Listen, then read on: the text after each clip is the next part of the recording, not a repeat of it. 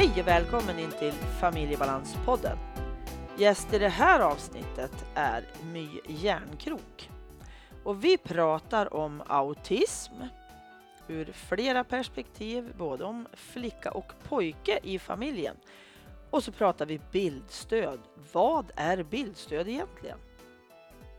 Avsnittet görs i samarbete med Comicap, hjälpmedelsföretaget som vill genom mötet med människor förmedla kunskap, väcka nyfikenhet och visa på behovet av kognitiva hjälpmedel och sinnesstimulerande produkter. Du hittar dem på comicap.se. Klicka in där och kolla lite vad som finns. Sist i avsnittet så kommer det ett boktips och lite annat. Ann-Katrin Noreliusson heter jag som driver den här podden och jag förändrar situationen för personer som har en eller flera MP-diagnoser och för de som finns i deras omgivning. Och du vet väl att du som är anhörig till någon med tvång, alltså OCD, du kan gå webbkurs hos mig och Familjebalans. Webbkursen ger dig kunskap, förhållningssätt och vilken hjälp som finns att få. Kolla in på familjebalans.se. Där hittar du lite av varje, lite om mig och så, så där kan du kolla lite. Vill du vara med i en samtalsgrupp som jag kallar klurgrupp? Där vi klurar alltså och söker svar på dina frågor. Skriv ett mejl till mig. Du kommer strax att få adressen. Eller om du känner behov av att prata med andra vuxna som är syskon till någon med en NPF-problematik och har lust att vara med i någon samtalsgrupp. Då startar jag en sån om vi blir tillräckligt många. Så skicka ett mejl info familjebalans.se eller så hänger du med i den NPF-anhöriggrupp som Anna Malkus och jag har på nätet. Vi ses via en videoplattform en gång i månaden och så träffas vi som är anhöriga där och utbyter erfarenheter och pratar om det som är roligt och det som är jobbigt. Är du intresserad av något av det här så mejlar du mig på info familjebalans.se. Men nu kör vi igång avsnittet.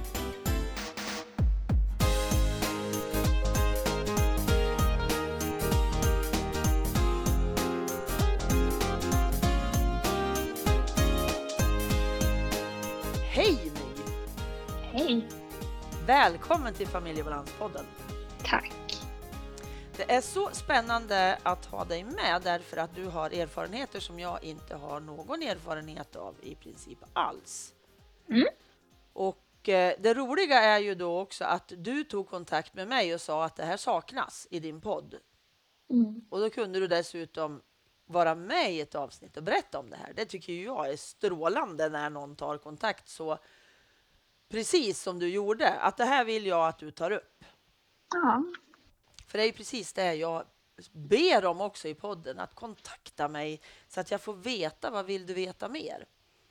ja, precis. Ja, det blir kul att få bidra med mitt perspektiv. Ja, men precis. Så du är så välkommen hit till mig och podden. Mm.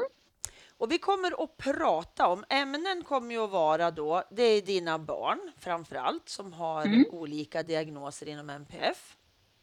Ja, Och eh, vi kommer också att prata om eh, det du gör för att underlätta för fler än eran familj Mm. hur eh, man ska kommunicera.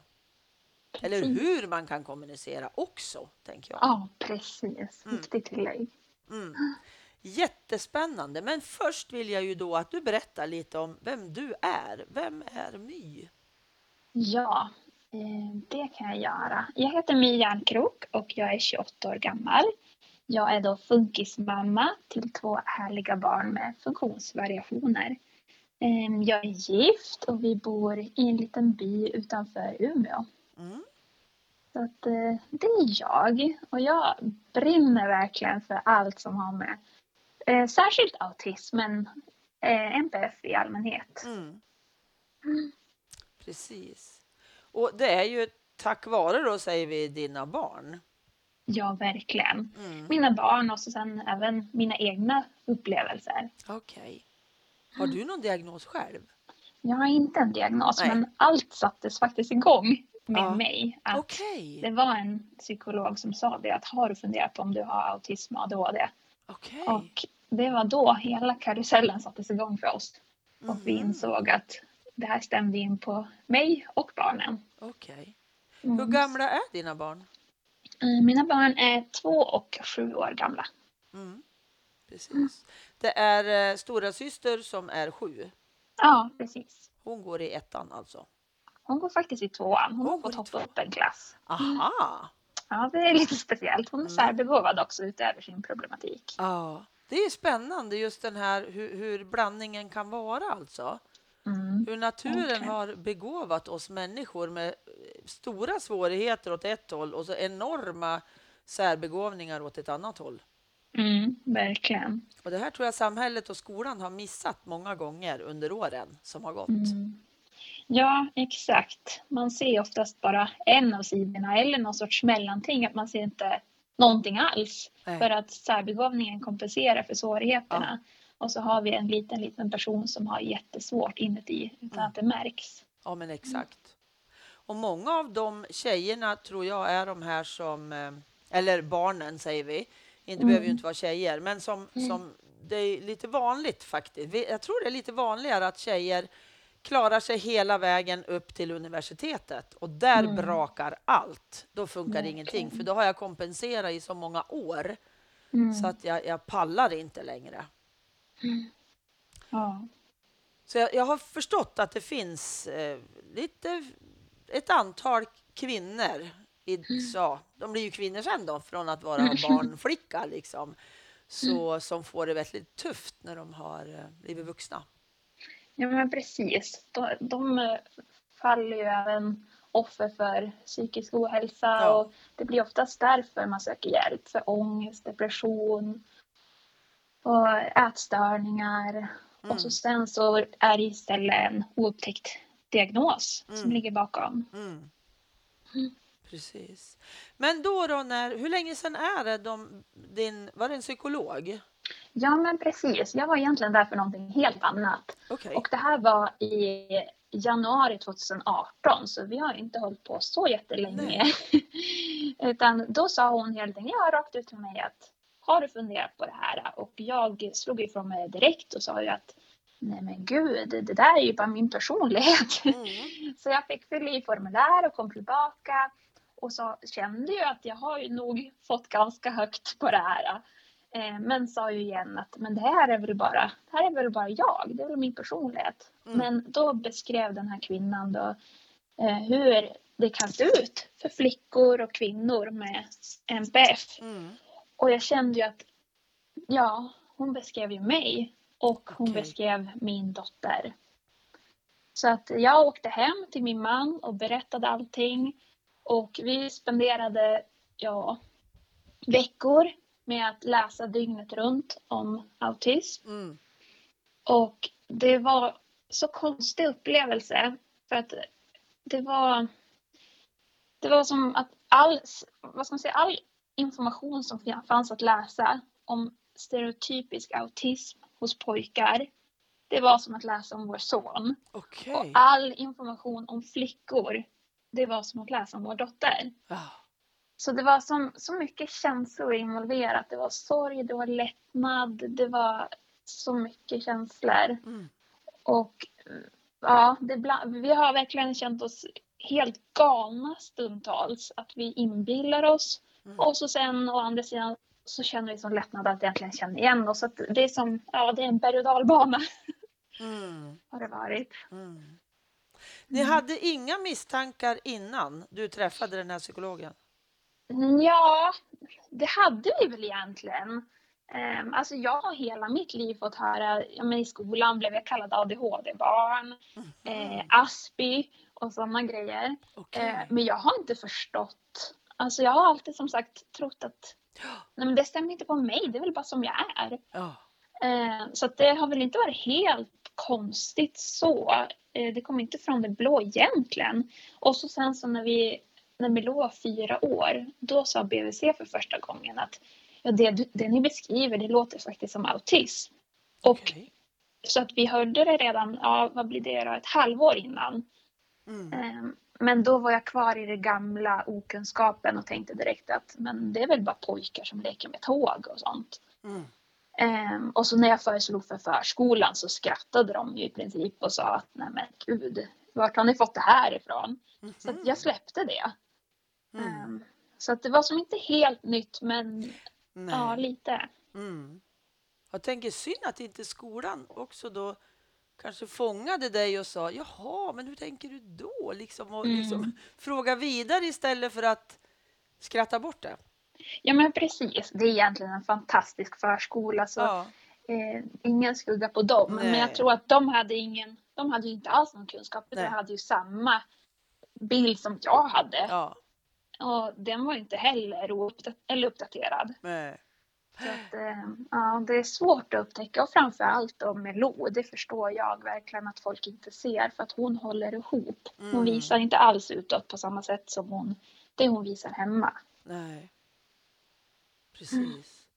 Nej, och jag tänker för, för att få en diagnos, om det är det som är det viktiga. Och jag, jag känner ju att var, var, även om man inte får en diagnos så att säga, så behöver man Mm. en bruksanvisning på den individen om man inte förstår alla delarna. Mm. För har jag drag åt något håll, då behöver jag ju veta vad Mm. är det för någonting? Vilka plus finns, vilka minus finns? Vad, vad ska jag lägga ihop liksom för att få en bild? För Mm. ibland är det ju svårt också när man står mitt i alltihopa att vad är vad? Mm. Och speciellt om barna, båda barna som ni har har drag åt autism, men då är det ju jättesvårt att veta, ja men hur är det hos de andra som inte har det då? Ja, Ju, precis. för så var det ju hos oss. Jag har ju två barn också med, som har, är utredda och har diagnos båda två. Mm. Och det var jättesvårt att fatta riktigt sådär, ja men hur stor skillnad är det hos oss och hos andra? För hos oss var jag ju van. ja. Nu visste jag ju hur det såg ut fast det var vedervärdigt jobbigt väldigt många dagar. Mm. Men just det där, men vad ska jag jämföra med? Jag har ju ingen erfarenhet av att ha barn som är alldeles vanliga eller lagoma eller vad man ska kalla det Mm. för. Och det är också lite svårt ibland tycker jag att förstå vad är skillnaden egentligen? Hur ser det ut hos de andra? ja, men verkligen. Man blir väldigt lätt hemmablind. Ja, Och särskilt också när jag själv upplever många svårigheter. Så Ja. jag ser ju bara mig själv i barnen och det är inget konstigt. Det här är ju det normala för mig. Och istället så klandrar man sig själv. För jag har, alltså när Milou växte upp så tänkte jag ju så många gånger att men varför orkar inte jag? Mm. Varför orkar alla andra? Mm. Har alla det så här? Och är det så att alla, ingen berättar om det? Eller är det bara jag som är svag? Eller varför, varför har vi det så här och ingen annan? Man går ju direkt till sig själv för man tror Ja. att det är så här alla har det. Tills man får veta hur det faktiskt ligger till. Så Ja. det är så viktigt att få svar. Ja, ja, men absolut. Och jag tänker också det, för jag känner igen det jättemycket den här frågan vi ställde oss, jag och min man. Vad gör vi för fel? Skulle vi inte ha haft barn? Den frågan ställde ju vi oss miljoner gånger. Alltså det var ju bara vi som var fel. Mm. Det handlade ju inte om att det kunde vara något annat. Nej. Och det där, och det är ju så himla många år sedan. Det, är ju, det var ju på 90-talet, mitten av 90-talet. Mm. Så det var ju, och då var ju okunskapen alldeles för stor. Men det har ju blivit bättre, men det saknas en hel del fortfarande tycker jag. Ja men verkligen. kunskap hos de som möter våra barn. Mm. Var det nu än är, om det är primärvård eller skola eller vart det nu är någonstans. Mm. Så behövs höjd kunskap, så är det. Verkligen. Men jag tänkte också det här, kan du, kan du berätta lite, hur kan det se ut för eh, din dotter, om vi börjar med Mm. henne? Hur kan det Mm. se ut liksom en bra dag och en mindre bra dag och en riktigt usel dag? Vart syns det någonstans om det inte kommer i skolan? Ja, ja men precis. Nu kommer faktiskt skolan. Vi har bytt skola så att nu visar hon på ett helt annat sätt och de anpassar jättefint för henne. Okej. Eh, Så att det syns faktiskt där också. Det är väl mest nu övriga omgivningen som hon döljer mycket symptom. Ehm, en bra dag? Ja, Milou är...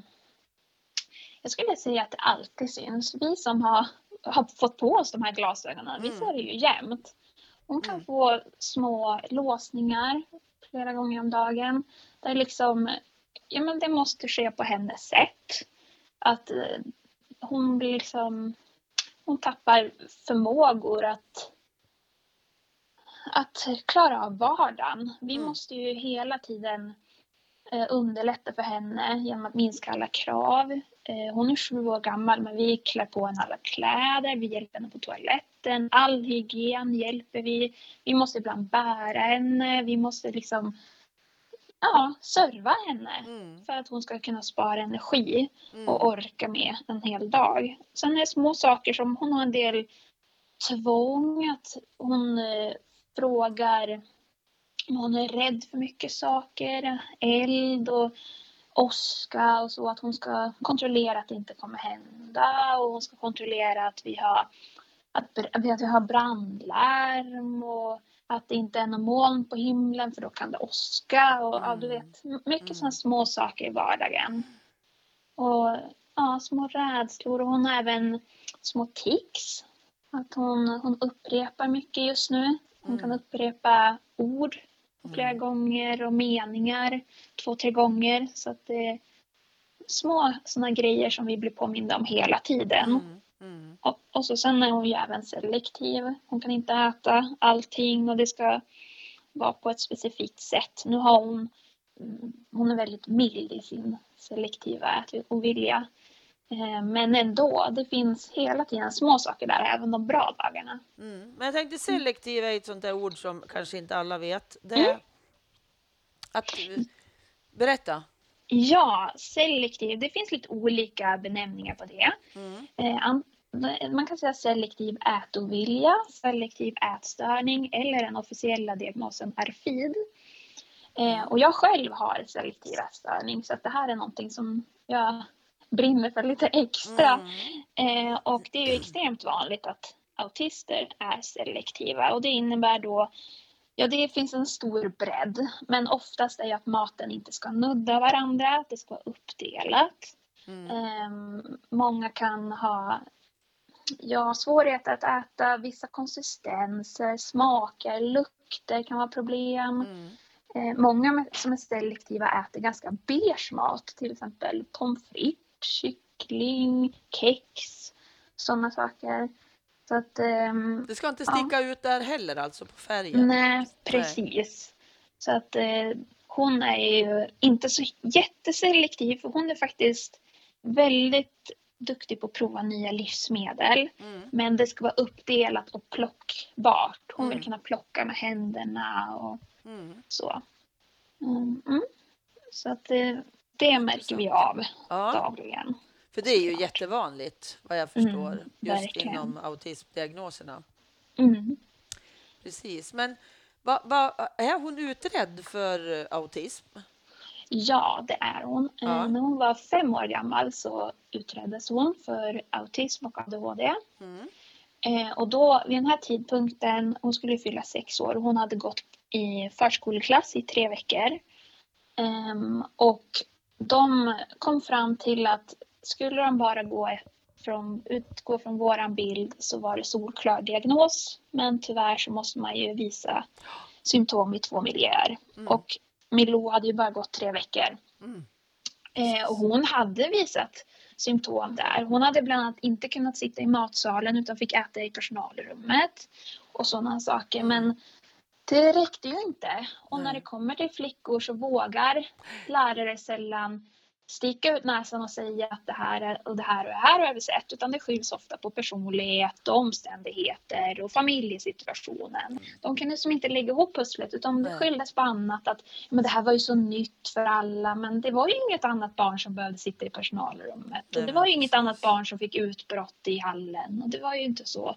Men det hittas alltid bortförklaringar när det Mm. kommer till flickor. Och mycket skylls på hemsituationen. Mm. Att det är någonting med föräldrarna och att vi måste bara vara lite mer och lite positivare och allt möjligt. Mm. Mm. Så att det var det? otroligt jobbigt. Ja, otroligt jobbigt. Ja. Jag bröt ihop. Ja. Jag sa ärligt talat att det känns som att ni ger min flicka en dödsdom. Ja. För att jag själv kände ju allt jag har gått igenom och alla år att jag i nästan halva mitt liv har kämpat med psykisk ohälsa. Mm. Och det nästan spelades upp min dotters liv, att det är det hon kommer få gå igenom. Ja. Det är ju jätte, jättejobbigt. Det är fruktansvärt.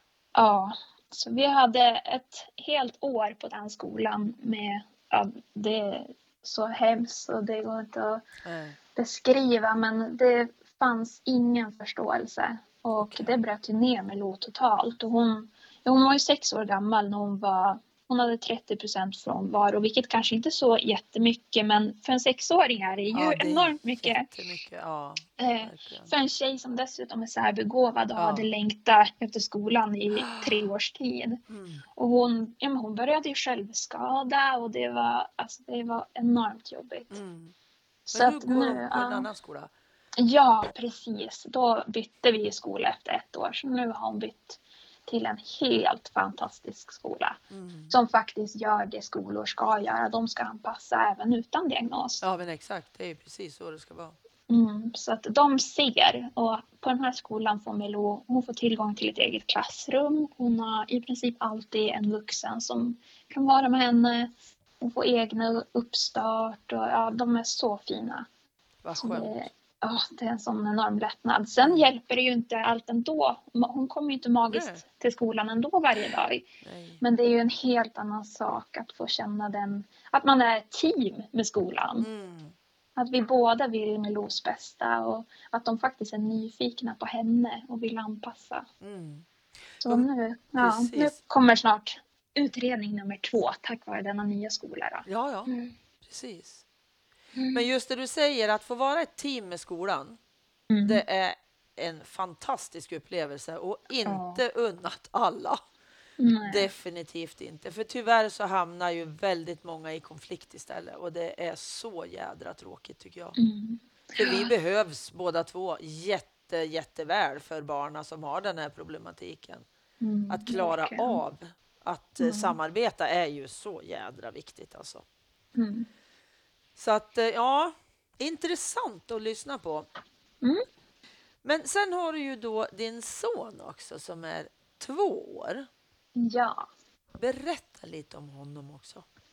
Ja, det är lite lustigt det här med min son. För att när han föddes, han var ju jordens lugnaste bebis. Mm. Och så vi tänkte, vi skämtade faktiskt om det flera gånger. Att, för att redan då hade vi börjat misstänka Milou då. Mm. Eh, och vi skämtade om det där. Åh, nu har vi, vi har fått ett barn med utbrott och massa svårigheter. Nu förtjänar vi faktiskt ett lugnt barn, ett neurotypiskt barn. Mm. Och så sen så är det han som slutar upp med en autistiskt, en grav autism. Mm.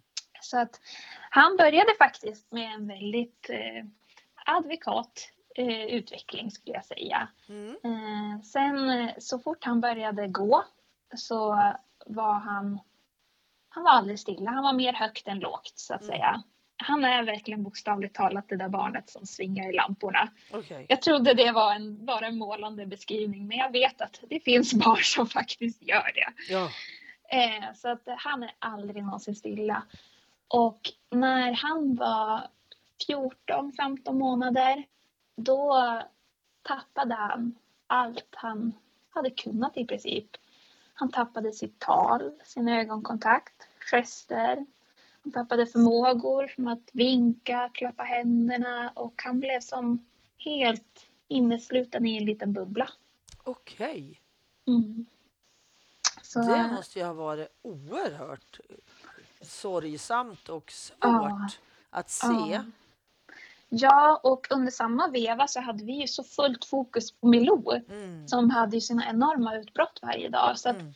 Och så sen det här um, regression kallas det när man tappar förmågor. Mm. Och den här tillbakagången då, den skedde så gradvis så det är ingenting man märker. Man kan inte peka ut en dag när det sker utan Nej. det sker verkligen gradvis.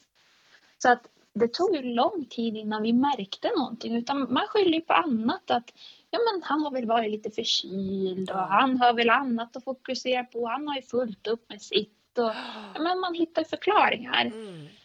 Ehm, och så sen när man börjar sätta sig ner och tänka på men när var det sist han sa mamma? Och nu vill han ju inte vinka längre och så. så då börjar man förstå. Och ja, det, Mm. det är väldigt, väldigt jobbig upplevelse.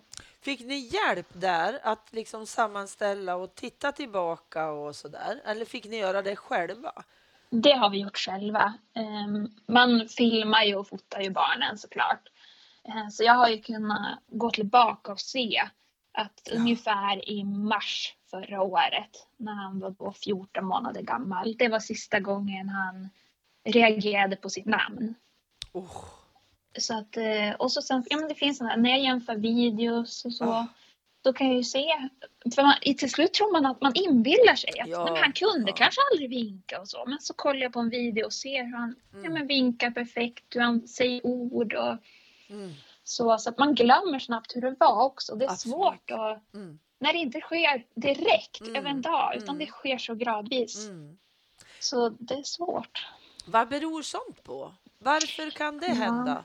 Vet det man finns, nej, det finns så mycket, det finns faktiskt ganska mycket forskning men inte så mycket här i Sverige så det är Nej. svårt att hitta information. det? Ja. Men man brukar säga att 25 till 30 procent av autistiska barn får regression. Oj, så pass alltså? Ja, och då är det ju olika. De flesta tappar bara det sociala samspelet, att man kanske tappar lite ögonkontakt och så. Mm. Eh, och så sen har vi ju då de barnen som tappar talet, det är lite mer tydligt. Eh, och så brukar man säga att ju allvarligare regression och tillbakagång ett barn får, oftast får man då en, en gravare eh, autismdiagnos. Och det är Okej. också mindre chans att man får tillbaka sina förmågor. Okej. Eh, och Louie har ju då tappat det mesta. Så att Mm. då kan ju vi se att ja, det kanske inte är så troligt att han kommer få tillbaka allting, men kanske lite tal åtminstone. Mm. Mm. Men, men det finns ju tre, är det tre olika steg av autism? Eller finns Mm. det flera? Ja, du tänker på de nya Ja. graderna? Ja. Jo, precis. Det finns autism 1, 2 och 3 enligt den nya diagnosmanualen. Mm. Mm, Och precis. Vad Och- innebär då tre då som, som Louis har? Ja, men precis. Om man tänker autism 1, då behöver barnet stöd eh, och hjälp. Och så sen autism 2 behöver en ytterligare, den behöver mer omfattande stöd Mm. och hjälp i vardagen. Och autism 3, då behöver en väldigt omfattande Mm. stöd. Så det är egentligen hur mycket hjälp den här individen behöver. Mm. Eh, så att, och Louie har då fått en autism 3-diagnos. Mm. Ehm, och det är svårt det här med graderna, det är väldigt nytt. Eh, Ja. Så att det är många som uppfattar det, eh, vilket jag också kan känna igen mig vid, att det är snarare hur väl man smälter in i samhället. Mm. Det är så det nästan känns. Att autism 1 det är sådana som kan tas för neurotypiska personer. Mm. Och autism 3 det är de med väldigt stereotypisk autism. Okej. Mm. Så, så det är inte så det är officiellt, men så kan det oftast Ja. uppfattas och kännas. Och, ja. Precis. Men hur, hur fungerar det runt Louis idag? Hur, han går på Ja. förskola. Han går på en jättebra förskola. Mm. Eh, Louis han har ju inget tal. Han är väldigt hyperaktiv, otroligt glad liten pojke. Mm. Eh, han har utvecklats enormt mycket nu i somras och har börjat kommunicera genom att ta våran hand ibland när han vill saker. Mm. Eh, Så att, eh, men det är inte alltid han gör det utan det är en, ibland, oftast om han vill äta något då tar han vår hand och leder mot kö- köket. Mm. Så att eh, han kommunicerar lite grann på sitt sätt. Okej. Och Men- vi kommunicerar med honom med tecken som vi, vi stödtecknar Mm. honom och mycket bilder och så. så att, Mm. Men ni ser liksom att han förstår vad ni menar och genom... Ja. ja, det skulle jag väl inte riktigt påstå. Det är jättesvårt att veta Ja, han är så pass Vilken- liten också. Ja men precis. Mm. Han var för liten och han kunde ju inte riktigt eh, genomgå en, en utredning för intellektuell funktionsnedsättning. Nej. Men utan en sån utvecklingsnivå så ska han kollas inför skolan. Så Mm. vi vet inte vilken nivå han är på. Men vi personligen tror att Louis är en väldigt intelligent liten pojke. Mm. Han är bara väldigt ointressant, ointresserad ska jag Ja. säga, av omgivningen och att dela med sig av det. Utan i sin lilla värld så har han otroligt många fiffiga små lösningar Ja. och sådana saker. Eh, Så att vi vet inte riktigt hur mycket han förstår. Nej. När vi pratar med honom så verkar det som att han inte förstår någonting. Mm. Men om vi till exempel visar en bild på någonting han gillar, han gillar att äta leverpastej. Kan vi visa en bild och teckna leverpastej, då kan han komma och sätta sig i stolen. Okej. Eh, och det kan han inte utan bild och tecken. Nej, nej. Så att han behöver det här kommunikationsstödet och då, det gör det jättesvårt att veta vad han förstår och inte. Ja, Mm. Precis. Men då kommer vi ju oavkortat in på det du har utvecklat, tänker jag. Runt Mm. tack vare dina barn, Ja, känner jag. Om jag får Ja. gissa. ja absolut. Att du, Jo, de är du, ju min stora motivation. ja, precis. Mm. Det är ju därför jag gör det jag gör också. Mm. Det är ju tack vare mina barn. Så Mm. att jag vill nå ut med kunskapen till de som behöver den. Mm. Men jag tänker på, du gör ju bildstöd Ja, som är så fina tycker jag så det är inte klokt. tack. Och så är de så jättetydliga. Ritar du det här själv? Ja, det Oj, det. jösses vad du ritar bra. Tack. Det skulle jag inte få till kanske.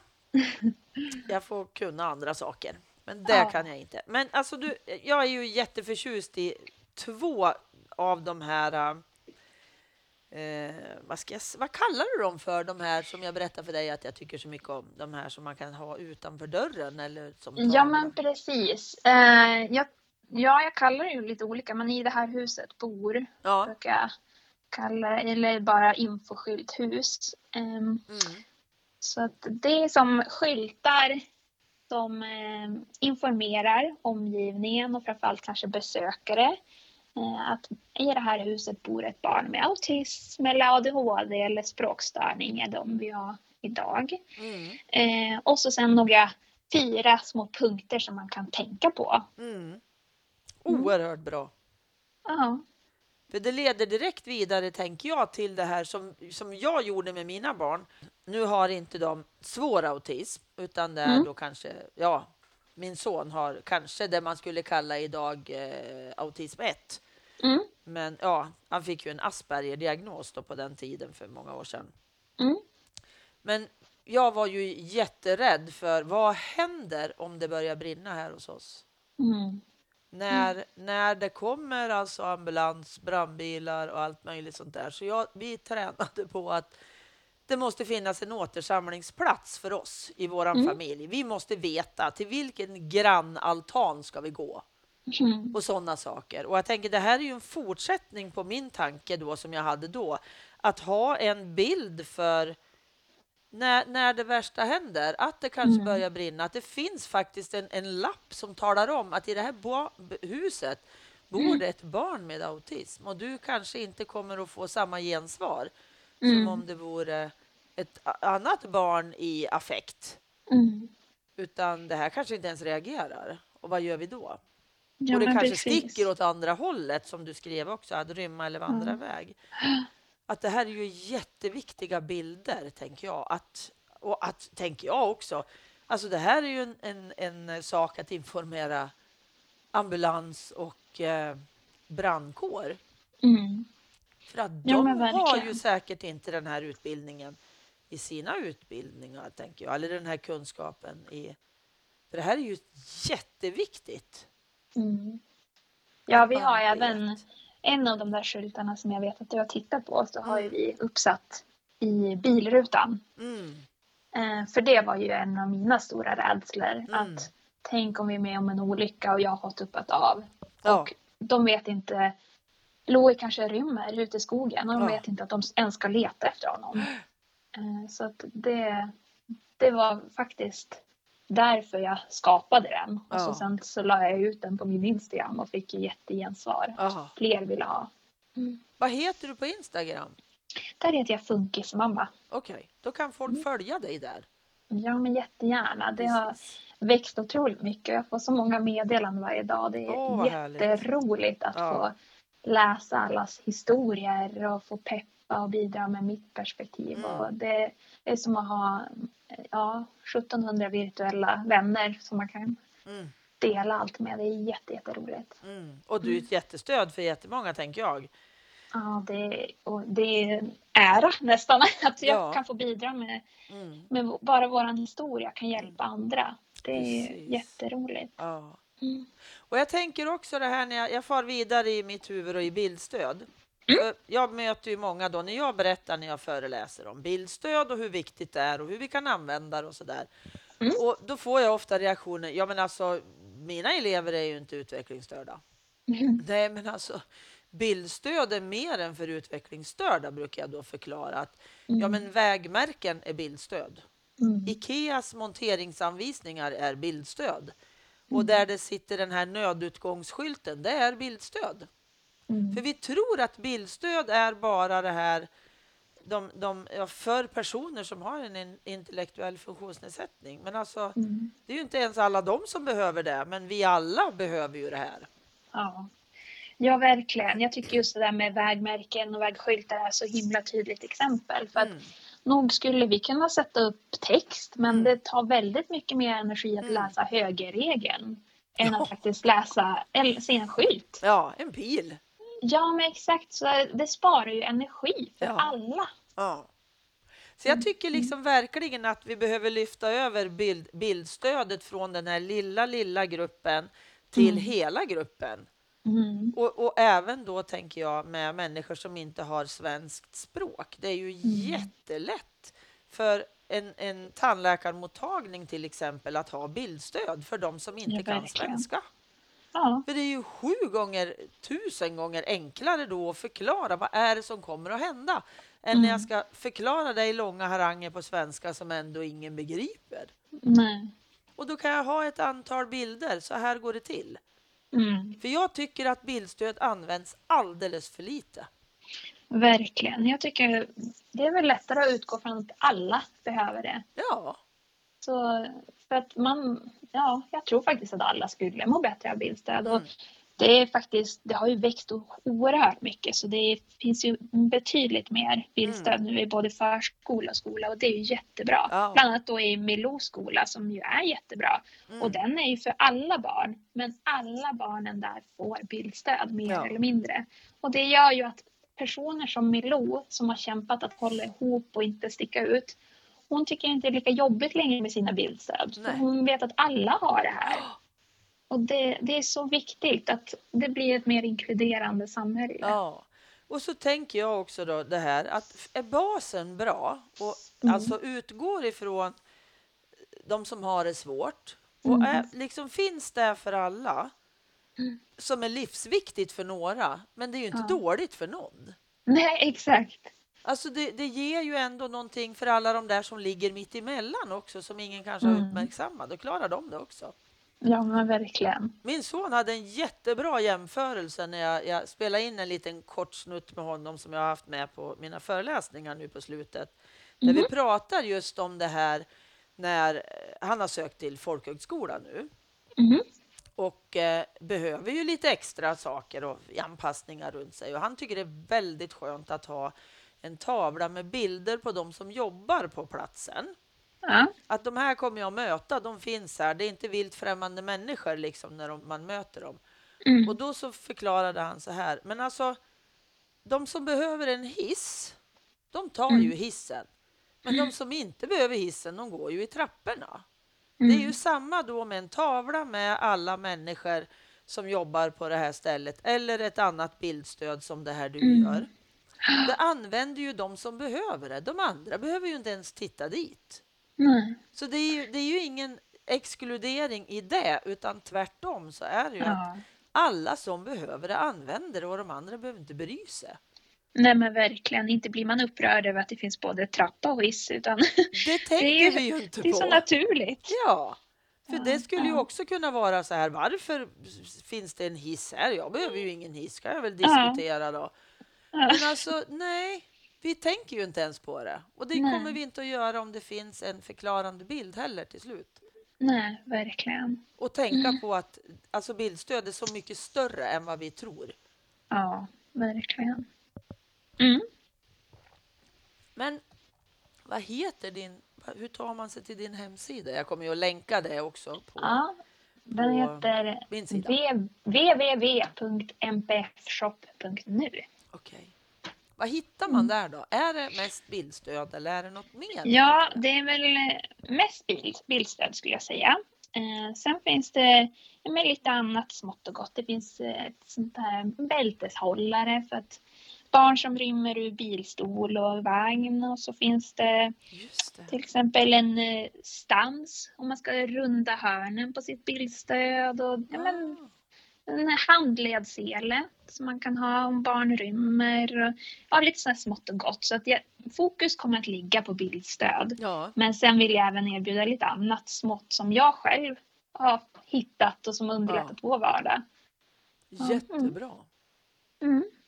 Jag hade behövt alla möjliga sådana där hjälpmedel för vi till våra barn, alltså som rymde, Mm.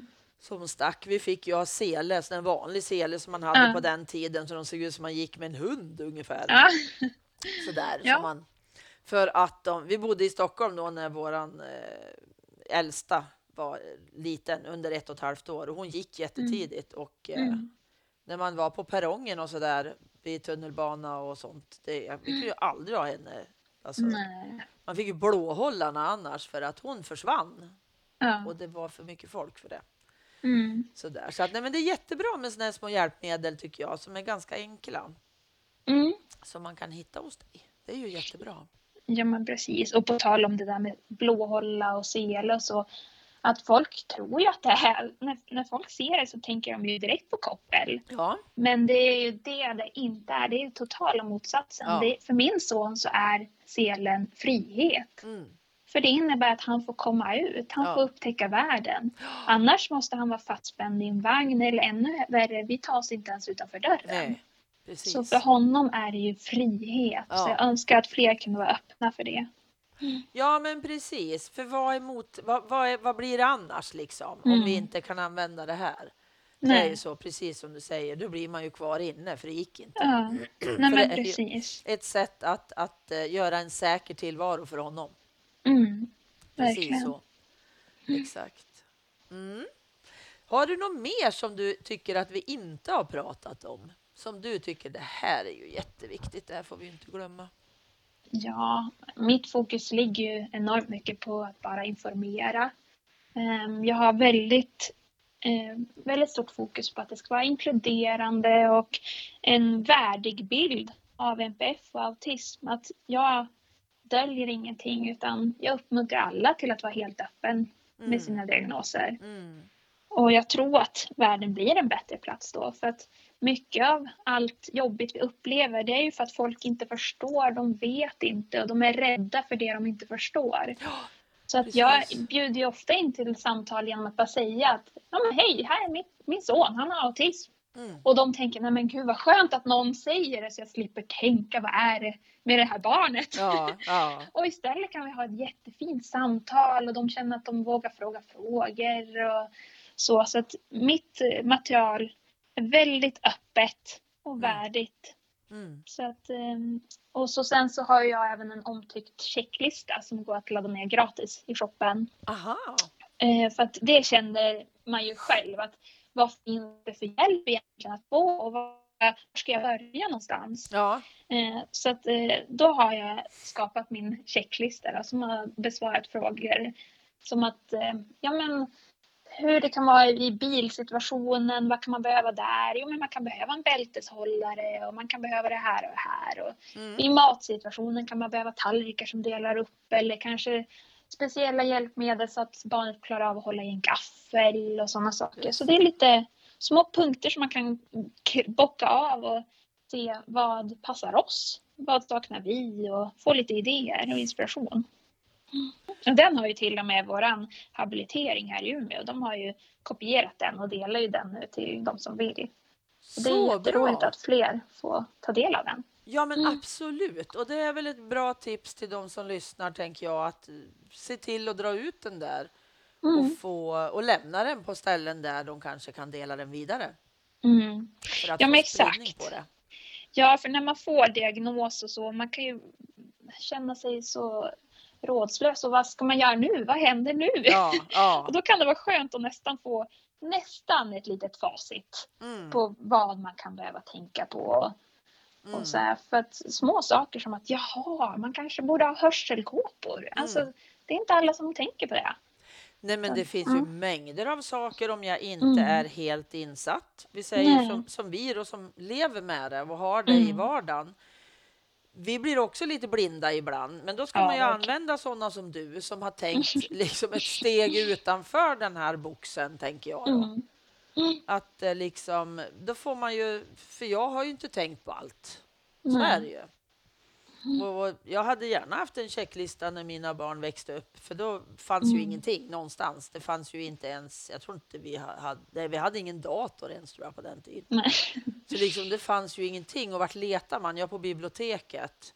Mm. Och det skulle jag också vilja uppmana lite nu när vi ändå pratar om att sprida. Att gå till ert bibliotek med en Ja. lista av de böcker som ni tycker att de ska ha. Mm. För annars så kommer de troligtvis inte att köpa in dem. Nej. För det har jag tänkt på här. Jag ska göra en lista på alla böcker jag får tips på och lämna på biblioteket för att Mm. eh, vi ska ha en ökad... Eh, det, annars så blir det ingen efterfrågan på dem heller. Nej. För de, Det man, var ett jättebra många, tips. ja, många, många, må, må, jag kan inte prata ens.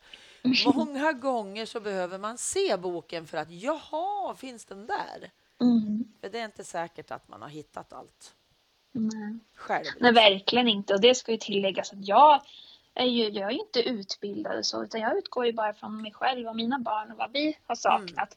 Men jag får enormt mycket de här meddelandena varje dag och feedback och folk som önskar saker. Så min Vad shop, eh, den eh, bygger nästan på saker vi gör tillsammans, jag och mina följare. Ja, Så att det, har man en idé så att skicka den till mig så kan jag se om jag kan få till det. Ja. Jag fick många som efterfrågade det här med badrumsrutinerna. Att, men vi Ja. behöver även bild på när man drar upp byxorna efteråt. Mm. Och jag tänkte, men, men självklart. Så jag sätter mig och ritar och så finns det i shoppen. Ja. Så att, ja, men eh, titta, det, den har jag här. ja. ser du. Mm, så det är ju jättebra. Så skriv, jag kan ju inte, jag kan inte göra alla glada, men jag Nej, försöker. Mm. Ja, jag försöker verkligen. Så att gör det om ni har idéer. Ja, precis. Vad bra. Hörru. Mm. Jättebra, men då har vi pratat om en himla massa saker. Mm. Om din flicka, Mm. Milou, din pojke, Louis Mm. och eh, ditt bildstöd som du gör. Mm. Lite selektivt ätande, om regression. Mm. Många intressanta ämnen som verkligen behövdes och vi kanske återkommer om något, någonting som du kommer på att det här behöver vi också prata om. Så jag är Mm. ju jättetaggad när någon har idéer så här. Det är Ja. suveränt. Jättebra. Men har inte du något mer att tillägga nu My så avrundar vi. Mm. Nej, det känns bra. Och annars så, så skriver du ett meddelande till mig så gör vi nog fler avsnitt. Ja, Precis. det låter bra. Tack snälla du för att Mm. du ville vara med i podden. Men tack för att jag fick vara med. Mm-mm. Ha det så bra. Detsamma. Hej då. Hej då.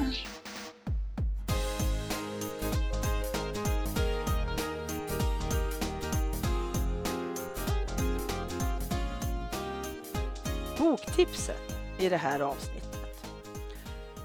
Boken heter Till Daniel och författare är Olaug Nilsen. Den lilla pojken Daniel förlorar gradvis sitt språk och hans personlighet förändras. För Daniels mamma blir livet en kamp. Först för att förstå vad som händer med honom, sen för att kunna ge honom det stöd han behöver. Familjen prövas allt hårdare och processen de går igenom för att få rätt hjälp, den blir lång och svår.